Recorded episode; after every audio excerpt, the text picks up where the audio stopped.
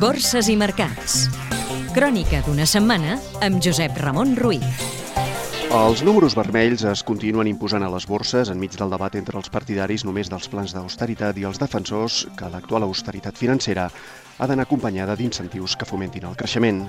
La difícil situació econòmica a Espanya, l'eurozona i els Estats Units, la decisió del Banc Central Europeu de mantenir l'actual mínim històric de l'1% al preu del diner a la zona de l'euro i la decisió del president bolivià de nacionalitzar els actius de Red Eléctrica a Bolívia han marcat les quatre sessions bursàries d'aquesta nova setmana negativa.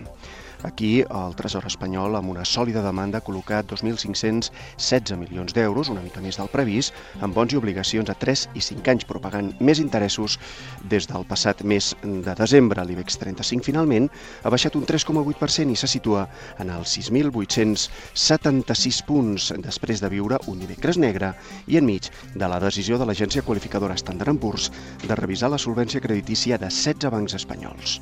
Una banca que ha venut més de 5.000 milions d'euros en crèdits porqueria a fons voltors.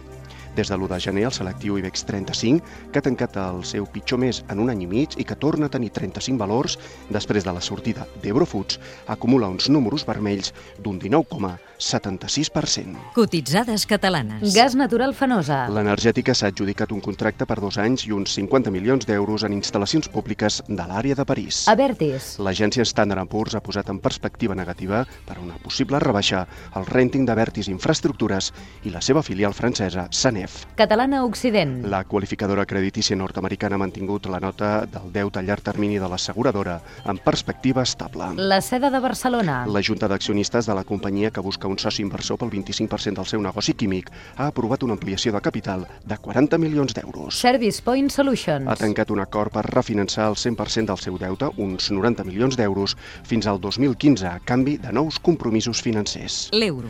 La debilitat de l'economia europea, amb una forta caiguda dels indicadors manufacturers a la zona de l'euro, ha depreciat la cotització de la moneda única respecte de la divisa nord-americana.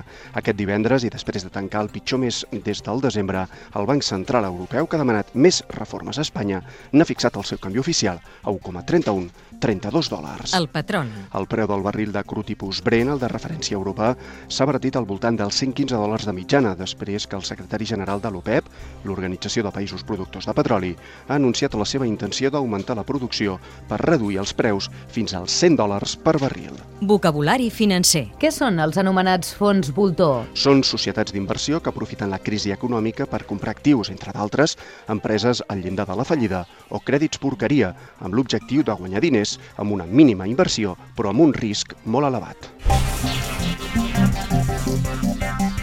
Thank you.